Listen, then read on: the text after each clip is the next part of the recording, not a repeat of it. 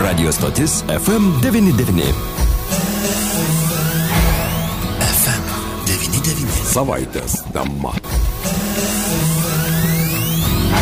tema. FM99. Sveiki, bičiuliai, studijoje prie mikrofono Liudas Armanauskas ir savaitės temoje šiandien šios savaitės įvykiai Alytuje. Saugusi mokymosi savaitę mokaisi gyveni, gyveni mokaisi. Iš tikrųjų, aktualu ypatingai šiais laikais, ne veltui jau ne vieną dešimtmetį mes irgi kalbame apie tai, jog mokymasis visą gyvenimą tai ko gero ne tik žmonių teisė, bet ir būtinybė, kuri gali ypatingai šiais sudėtingais laikais, prisimenant ir pandeminę situaciją, ne tik išlaikyti ar keisti darbą, gauti galbūt didesnės pajamas, bet iš esmės, ko gero, neatsilikti nuo skubančio pasaulio. Ir dėja, čia e, statistika nėra labai linksma. Lietuvoje prieš porą metų mokėsi vos 7 procentai suaugusių. Skaičius tikrai nedidelis, o štai per dešimtmetį šis rodiklis padidėjo vos beveik 2,5 procentinio punkto, kai mūsų kaimynai Estai sugebėjo per tą laikotarpį 10 procentų padidinti suaugusių mokymosi statistiką ir dabar ten mokosi apie 20 procentų, šiek tiek daugiau. Apie tai šiandien mes ir kalbėsime mūsų studijoje, o studijoje viešia Lietuvos miesto savivaldybės meras Nerijus Tiesiulis. Labadiena, gerbiamas merė. Labas rytas. Taip pat mūsų studijoje šiandien yra Lietuvos augusių švietimo asociacijos Lietuvos krašto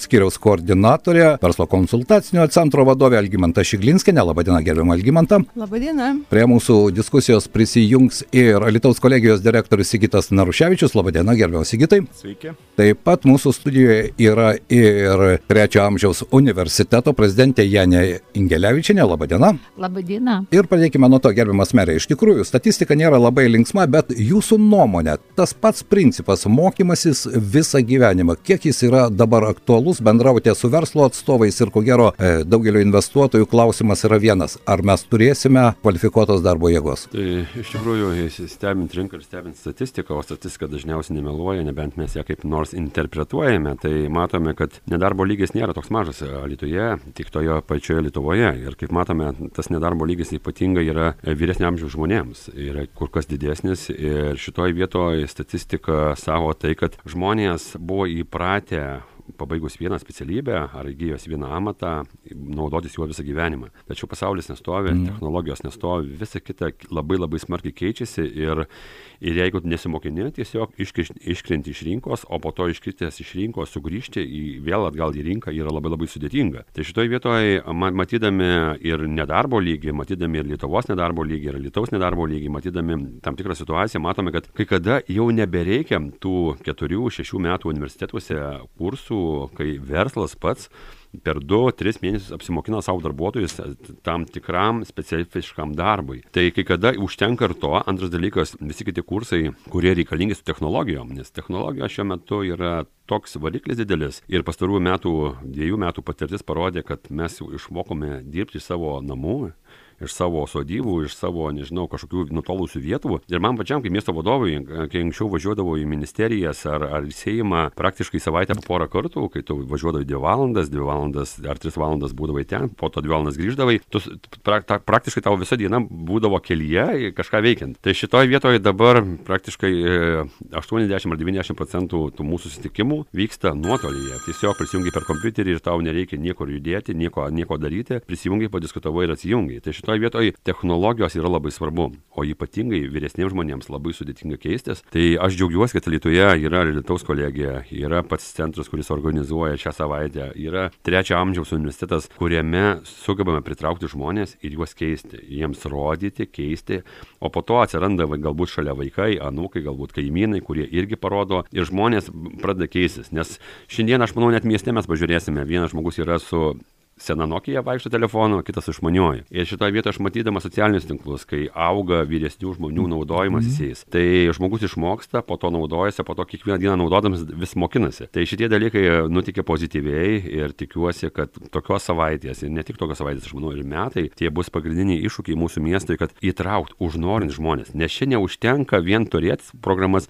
dar reikia juos užnorinti, juos reikia kažkaip pritraukti ir parodyti, kad jie nebijotų ateiti, nes dažniausiai sako, ai, aš nemoku, nežinau, atsilikau ir ir viskas, pabaigta. Ir, ir laukiu pensijos ir panašiai. Bet ne, iš tikrųjų yra, kaip ir sakiau, įstaigos, kurios sugeba tą žmogų pritraukti ir sugeba tą žmogų su, jį sumotivuoti ir po to galbūt gaunasi kažkoks rezultatas. Tai tas miestui yra svarbu, o investuotojams dar yra svarbiau. Ar, ar sugebės pasikeisti mūsų, mūsų visuomenė, nes kai kurios specialybių, kurių dar net nebuvo kažkada prieš 5 ar 10 metų, jos dabar yra. Ir, ir jų vis, vis jos keisis ir reikia tą tendenciją ir tą E, pasaulio tą ekonomikos ritmą labai labai stebėti. Jūsų nuomonė, ar vis dėlto Lietuvoje yra tos galimybės suaugusiems žmonėms, netgi kalbant konkrečiai apie tos 50 mečius plus, iš ties mokytis, aš suprantu verslą, kuris iš tikrųjų ir ypatingai šį rudenį skelbimai eina, ieško darbuotojų, mes jūs apmokysime 3-4 mėnesiai, netgi jeigu neturite jokios profesijos. Bet e, jūsų kaip miesto vadovo nuomonė, ar mes turime Lietuvoje tą sistemą, tą infrastruktūrą, kuri gali padėti? Nes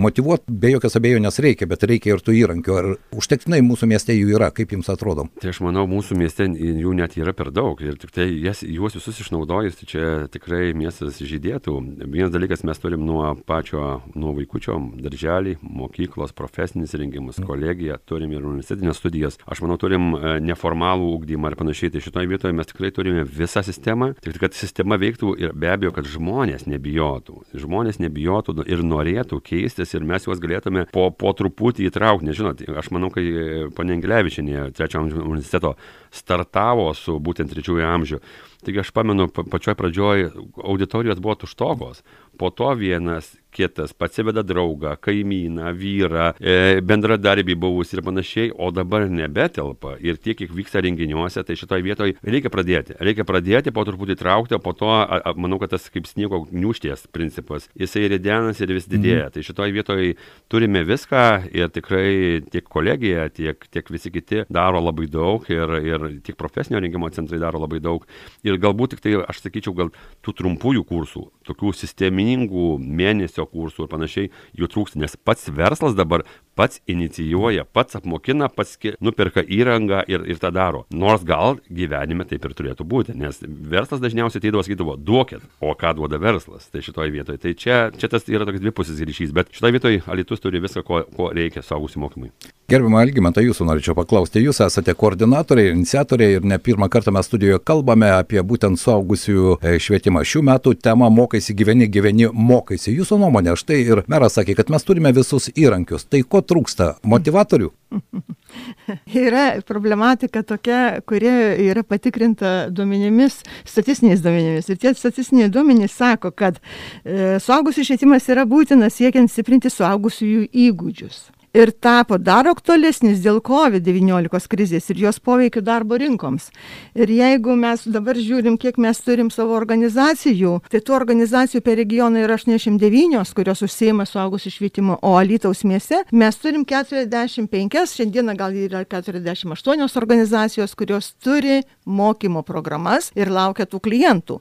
Ir dabar klausimas, jeigu 25, 64 metų gyventojas per keturias paskutinės savaitės savaitės dalyvavo švietimo ir mokymo veikloje, tai skaitom, kad 7,2 procentai Lietuvoje mokosi.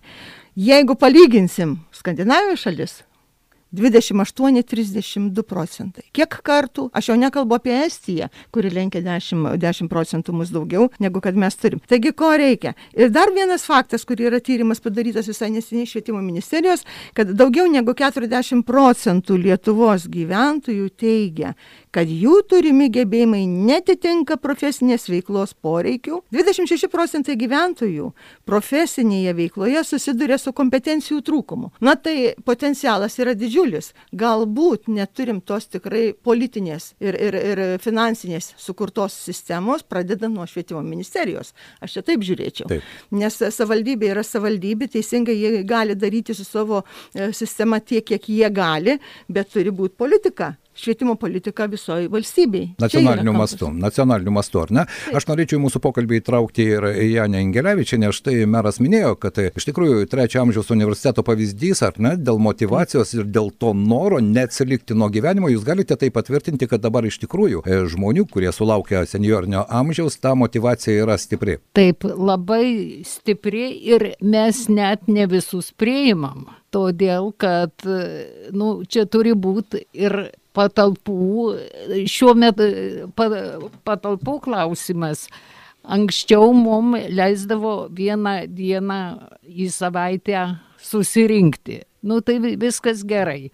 Bet ta salė yra 120 ar kiek vietų. Tai mes dar prisinešam ir kėdžių papildomų visokiausių ir ten susikemšam daug. Na ir svarbiausia lektorių. Mums reikia lektorių, bet gerų lektorių, o čia finansinis klausimas. Jeigu nori mokslininką pasikviesti, jei nori tikrai kompetentingą žmogų, reikia turėti pinigų.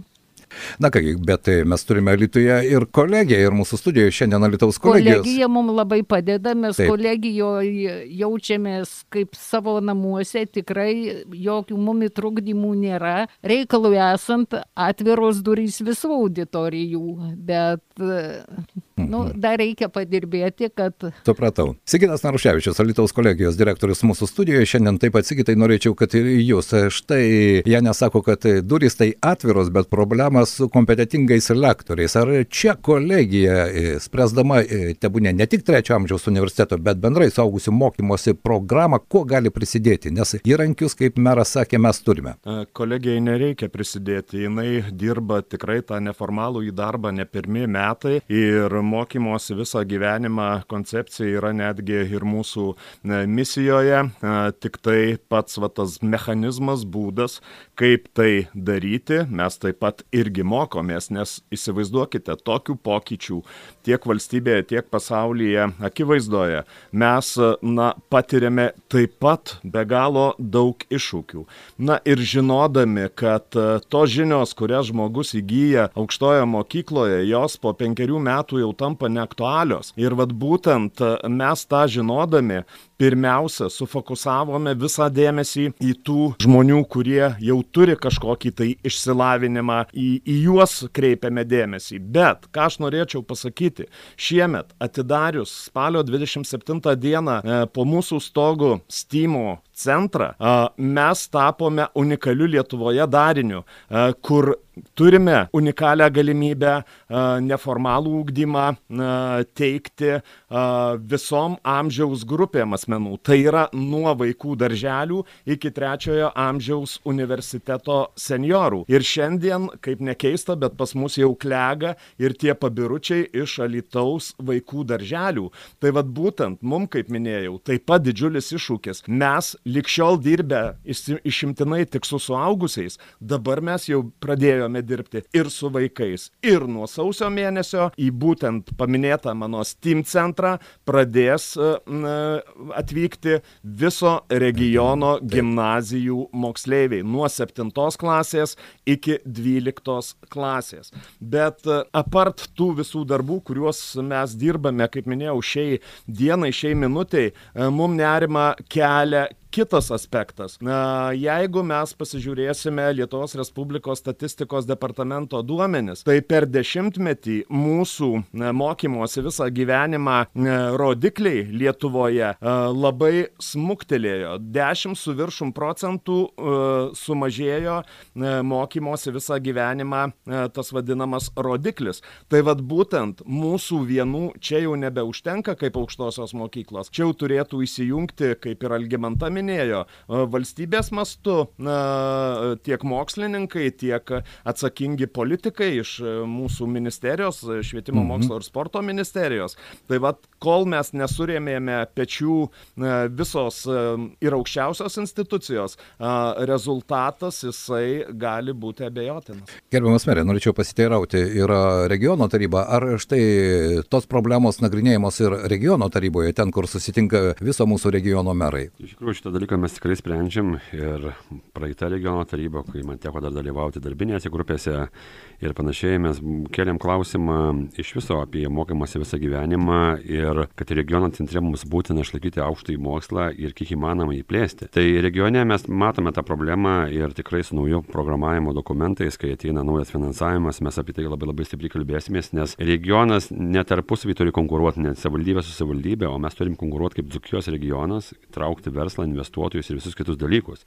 Ir puikiai mes suprantame, jeigu turėsime specialistų parengtų, įsilavinus ir panašiai, turėsime tos vadinamos darbo jėgos, tai tikrai ateis pas mūsų investuotojai. Taip, jau dabar ateina, jie galvoja irgi, kelia savo iššūkį, kaip juos persikvalifikuoti, kaip juos išmokinti, kaip juos, kaip juos įvesti į sistemą ir panašiai. Tai šitoje vietoje, tačiau mes turime ne tik a, tų specifinių įgūdžių mokymuose, bet Ir aš manau, kad ši, šiuo metu du dalykai, kurie yra svarbiausi vyresniam žmogui. Tai yra užsienio kalbos, jos yra labai labai svarbios ir jas išmokti, nes daugybė informacijos, literatūros, daugybė skaičių taip toliau yra užsienio kalba. Ir šitoje vietoje mes sutikime, kad vyresni žmonės, virš 60, tikrai nėra, nėra taip gerai mokinasi, nes žiūrėdami filmus, televiziją, daug ko mes nesuprantame, daug ko, daug ko arba negalime perskaityti. Internetas dabar yra praktiškai visiems pasiekiamas. Tai vienas dalykas. Antras dalykas yra IT technologijos, kurios mes irgi turim žengti koją su kojam, kad mes suprastum, nes pasaulis labai greitai keičiasi ir kaip minėjo kolegijos direktorius, per pasiruosius metus mes turėjom ir iššūkius, ir, ir, ir, ir COVID krizę, ir buvom ir karantinai užsidarę namuose,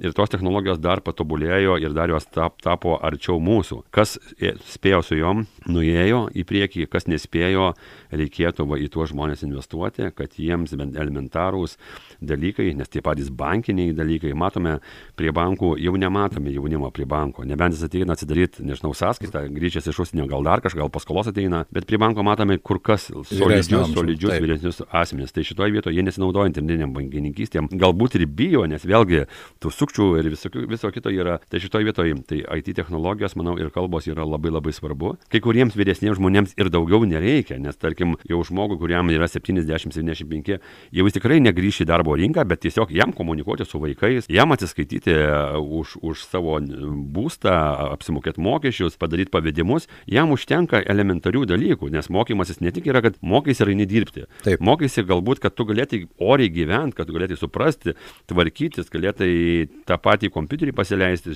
susikalbėti su savo vaikais, kurie išvažiavo užsienį arba užsisakyti kelionę nuotolį ir panašiai. Tai šitoje vietoje yra vienas mokymasis, o tiems, kas yra reikalinga mokymasis, tas mokymasis, kuris reikia kvalifikaciją kelt arba persikvalifikuoti, tai be abejo. Bet čia viena savivaldybė ta viena kolegija tikrai ar mūsų įstaigos nepa, to nepadarys. Tai yra ministerijos reikalas, tai yra užimtumo ar darbo tarnybos reikalas, nes šitoje vietoje, jeigu mes norim susigražinti žmogų į, tarkim, į darbo, darbo vietą, į darbo rinką, kai kada jo specialybė jau netitinka arba tokių specialybių net nereikia. Tai šitoje vietoje turėtume čia labai žiūrėti ir ministerija turėtų aktyviau šitoje vietoje pasistengti. Į mūsų pokalbį mes pakviesime įsitraukti ir Lietuvos miesto savivaldybės švietimo ir sporto skiriaus vedėją Vitolį Valūną. Labadiena, gerbiamas Vitolį. Labadiena. Štai šiandien mes diskutuojame apie saugusiųjų mokymasi ir jūsų nuomonė, meras minėjo, kad Lietuvoje mes turime visus įrankius, galbūt trūksta kartais motivatorių. Ką jūs galėtumėt pasakyti, kaip paskatinti mokymasi visą gyvenimą? Tai man atrodo, tai pirmiausia, mes turime mokėti pasidžiaugti, ką turime, o iš tikrųjų turime labai daug. Dar 2019 metais mes buvom e, pabandę suskaičiuoti, kiek ir ko mes vykdome mūsų mieste ir kaip pamatėm, tai čia 19 metų duomenys. Vykdėm tuo metu 271 programą ir tuo metu buvo 9503 dalyviai 22,8 procento visų saugusių asmenų mieste dalyvauja vienokiose ar kitose programuose. Tai pakankamai dideli skaičiai, tačiau aišku 20-21 metai, kas susijęs su pasaulinė pandemija COVID-19, suprantam, kad tie aišku skaičiai natūraliai sumenko, tačiau reikia pasakyti, kad vis tiek tos programos buvo vykdomos, tos programos buvo finansuojamos ir jeigu iki pandeminių laikotarpių 2019 metais, tarkim, Alitaus miesto savivaldybė buvo skyrusi 20 tūkstančių eurų tom programom neformalio saugusių švietimo programom konkursiniam finansuoti, kur įvairūs teikėjai galėjo rašyti projektus, tai 20 metais jau buvo 14 tūkstančių eurų, šiais metais 10 tūkstančių eurų, dabargi formuojamas biudžeto projektas, tikimės, kad vėl, vėl šita suma pradės didėti. Tačiau dar vienas labai svarbus dalykas šią savaitę pradedant švęsti saugusių mokymosi arba švietimo savaitę Lietuvoje reikia paminėti, kad irgi pastaruoju metu įvyko didelis pokytis. Lietuvoje buvo likviduota Lietuvos saugusių jaunimo mokykla, kuri ilgus metus ir dešimtmečius veikė šitoje srityje. Tačiau vis, visą tai pavyko padaryti sėkmingai, jos vykdomos programos e, buvo perduotos vykdyti mero ir švietimo mokslo ir sporto ministro raštiškų susitarimų, buvo perduotos vykdyti likiškelių progymnazijai ir turiu pasidžiaugti, kad nei finansavimas nesumažėjo, nei programų skaičius nesumažėjo. Nes tarkim, tais pačiais 2019 metais Alitaus saugusių jaunimo mokykla vykdė 12 programų saugusių švietimo, tai šiais metais yra vykdoma 14 programų, yra 250 klausytojų ir savivaldybė savo biudžeto toms programoms vykdyti skiria net 41 tūkstantį eurų. Tai yra iš tikrųjų dideli pinigai ir tą, ką daro mūsų savivaldybė, tai drąsiai galiu pasakyti, gali būti pavyzdžių kitoms savivaldybėms Čia jau dėkoju ir savivaldybės vadovui, tai yra merui ir savivaldybės tarybai, kurie tikrai kiekvienų metų biudžete numato lėšas ir mūsų žmonės turi galimybę kurti programas, dalyvauti programų konkurse, gauti finansavimą ir sėkmingai tas programas įvykdyti. O žinoma, e, dėl ateities, vad ką gerbiamasis liūdai jūs paklausėte, tai kaipgi čia nesutiksi su mūsų mero mintimis, kad užsienio kalbos tai pirmiausiai ir IT technologiniai dalykai, tai kokiągi mes matytumėm perspektyvą ir ateitį. Tai be abejo, pirmiausia, reikėtų toliau formuoti palankę skaitmeninę aplinką suaugusių formalio ir neformalio švietimo paslaugoms vykdyti. Nes matėm, kaip atsitinka visuomeniai, kai netikėtai atsiranda tokie dalykai kaip COVID-19, kur niekas nesiuošia ir mes nesiuošim ir gan greitai turėjom prie tų dalykų Taip. pereiti. Tai, tai šitą turime būtinai daryti. Taip pat be abejo sutinku ir su mero mintim, kad reikia sudaryti saugusiems asmenims, kurie neturi darbo, įgyti paklausę darbo rinkoje specialybę arba persikvalifikuoti. Tai čia ir, ir kolegija, ir Lietuvos profesinio rengimo centras, ir kitos institucijos. Labai, labai svarbu taip pat e, žmonės, kurie gyvena ir yra solidaus amžiaus, stengtis, kad jie laimingai gyventų, kad jie būtų įtraukti, kad jie nebūtų palikti. Todėl reikėtų nuolat e, plėsti neformalų saugusių švietimą, jį siejant su socialinė ir bendruomeninė veikla, kad žmogus nesijaustų vienišas, kad būtų kartu. Na ir žinoma, reikia stengtis, kad kiek įmanoma daugiau būtų nemokamų neformalio saugusių švietimo paslaugų pačio artimiausioje ateityje. Taip, supratau. Dėkojame Vitolijui Valūnui, Lietuvos švietimo ir sporto skyriaus vedėjui, savivaldybės. Jis išdėstė tokius konkrečius dalykus, bet aš norėčiau paliesti dar vieną temą labai trumpai. Štai kalbant apie verslo ir mokymosi viso gyvenimo temą, merė, jūs minėjote apie tai, kad vis dėlto daug sprendimų turi priimti ministerijos, ar ne? Ne vieną kartą buvo diskutuojama apie tai, kad užimtumo tarnybos funkcijas atiduoti savivaldybė, bet ministerijos turi tą savybę, funkcijas atiduodame, o pinigus pasiliekame. Kaip, e, kokia jūsų nuomonė yra? Mes visą laiką galbūt lengvai kritikavome, pastaruoju metu garsiau kritikuojame, nes a, matome ir Lietuvoje situaciją, keli tūkstančiai bedarbių, o, o rinka šiais metais ir kitais metais sukurs daugiau nei tūkstantį darbo vietų. Ir nauji investuotojai, kurie irgi jie kelia klausimą, merė, o kas dirbs? Štai tai ar vieni iš kitų voks darbuotojus ir kels atlyginimus ir panašiai panašiai. Ar mes susigražinsime iš užsienio išvažiavusius, kas yra labai sudėtinga, arba trečias variantas, tuos esamus perkvalifikuosime.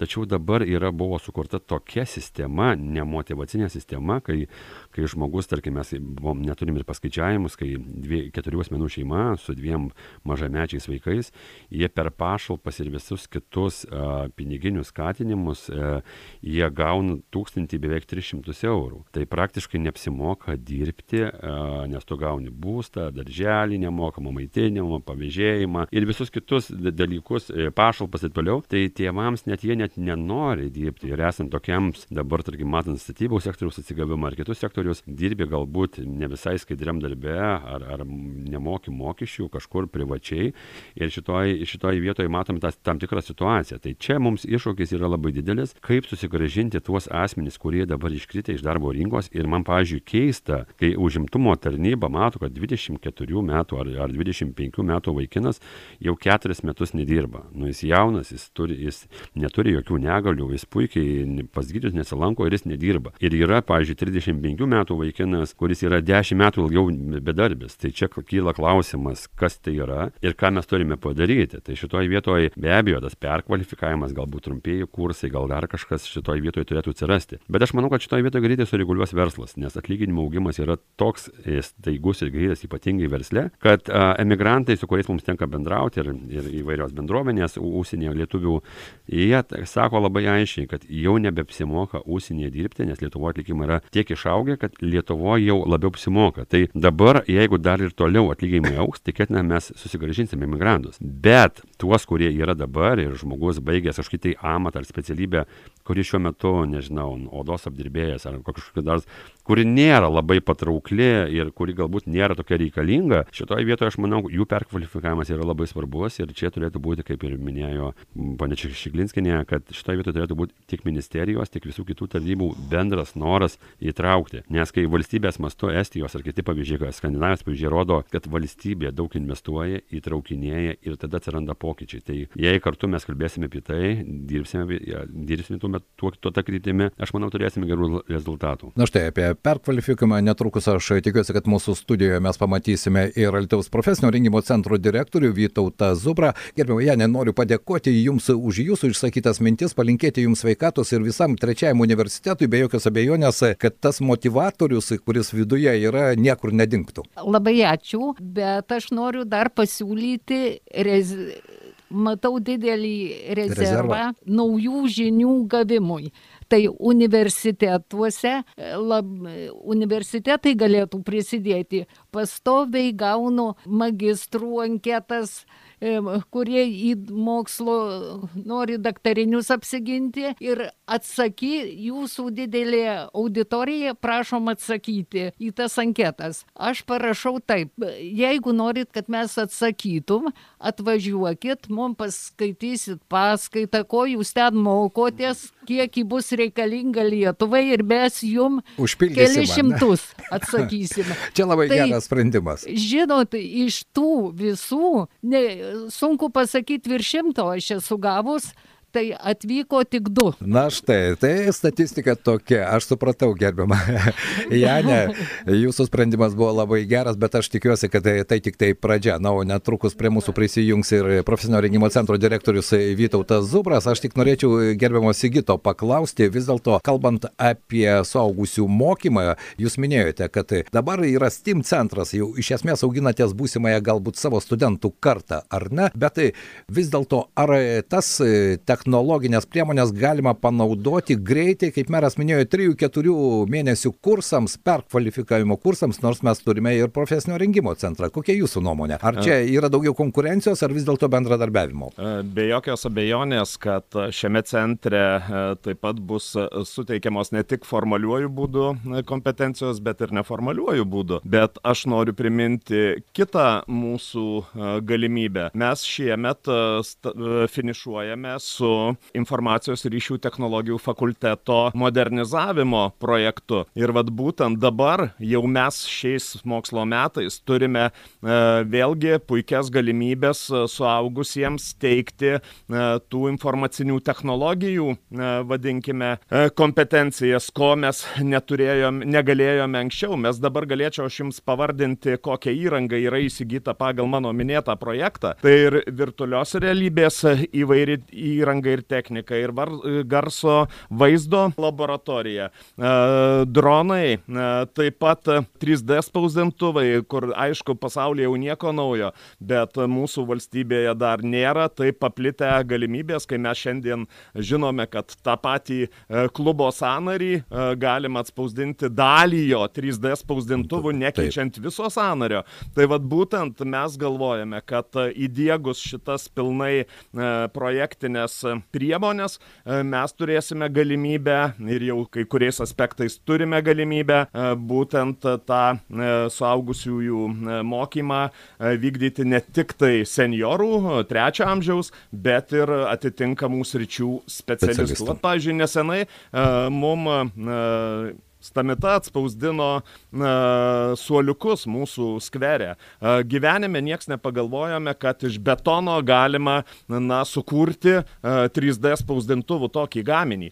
Tai vad būtent 3D spausdintuvo galimybės tikrai neribotos ir manau, kad į šitą būtent IT padalinį mes pakviesime ir platesnį suaugusiųjų ratą persikvalifikuoti. Na, už tai prie mūsų prisijungė Lietuvos profesinio rengimo centro direktorius Vytautas Dubras. Labadiena, pana Ponas Vytautai, ir štai mes šiandien diskutuojame apie mokymosi visą gyvenimą, jau lab, kad Lietuvoje savaitę mokaisi gyveni, gyveni mokaisi. Kaip jums atrodo, ar štai jūs konkuruojate su Lietuvos kolegija, ar čia surandate daugiau sąlyčio taškų, nes meras prieš tai minėjo, kad Lietuvoje yra visi įrankiai kurie gali padėti suaugusių švietimui, neformaliam švietimui, na ir žmonėm pagaliau pakeisti profesiją, įsilieti į darbo rinką. Kokia jūsų nuomonė? Iš tikrųjų girdėjau tai, ką kalbėjo ir meras, ir kiti pašnekovai, ir tikrai puikus, puikus renginys, visą savaitę, suaugusių švietimo savaitę. Tačiau jeigu analizuotume šiandieninę situaciją, sakykime, E, kaip alitiškiai e, nori mokytis ar nenori mokytis, tai iš tikrųjų reikia pasidžiaugti, kad Alitaus regiono žmonės tikrai yra pakankamai aktyvūs. Aš nesakau, kad visi. Tikrai, matyt, va tos savaitės renginiai yra tiek svarbus, kad aktyvinti daugiau žmonių, kad jie suvoktų, kad jų gyvenimo kokybė labai priklauso nuo jų pačių. Tai jeigu nagrinėtume, kaip čia kokia situacija su suaugusiais, tai mes siūlome suaugusių formales testinio profesinio mokymo programas ir čia mokosi virš 300 asmenų. Ir jeigu jūs vakare pravažiuojat pro Lietuvos profesinio rengimo centrą, ypatingai Jonino gatvė, bet ne vien tik tai ir kituose skyriuose mes matome didžiulį skaičių žmonių tai tikrai gražu. Įvairios programos. Labai svarbu kad žmonės rinktųsi tas kurios yra paklausios rinkoje kad mes siūlytume ir su verslu susitartume. Ir tai darome. Mes praeitą savaitę turėjome tokią visai neblogą renginį su verslo institucijom alytaus regiono kai kalbėjome apie pameistrystę. Mes bandėme išsiaiškinti ir mokymo programų paklausą ir taip toliau. Siūlome mes devyniolika tęstinio profesinio mokymo programų. Taip pat alytaus profesinio rengimo centre vykdome ir suaugusiųjų bendrojo ugdymo programas, suaugusių pagrindinio, suaugusio vidurinio ugdymo programas, čia mokosi 64 asmenys. Praeitą savaitę startavo na tiksliau nestartavo, bet pateikėm informaciją miesto bendruomeniai, regiono bendruomeniai dėl neformalių švi, suaugusių švietimo programų ir neformalių profesinio mokymo programų. Mes kartu su kvalifikacijų profesinio mokymo plėtros centru Alitaus regione įgyvendysime per 10 programų. Jos yra trumpos 40 valandų, 160 valandų, bet jos veda link kompetencijų. Tai ir tokia programa kaip SolidWorks, pradmenys, tai ir per savaitę laiko. Galbūt galite beveik... paaiškinti plačiau, ką tai reiškia, nes terminas tai yra, skamba gražiai, tai, bet. Tai yra programos, kurios yra projektavimo ir braižyba, ir 3D vat visi tie dalykai, kurie tikrai yra svarbus ir kam reikia šitų žinių, praktinių įgūdžių, žmonės kreipiasi. Ir per savaitę laiko, netgi ne per savaitę, ketvirtadienį startavo, šiandieną pasiklausiau, kiek jau turim 10 asmenų. Interjero dekoravimas, jau 13 asmenų turim. Žmonės tikrai mm, domisi.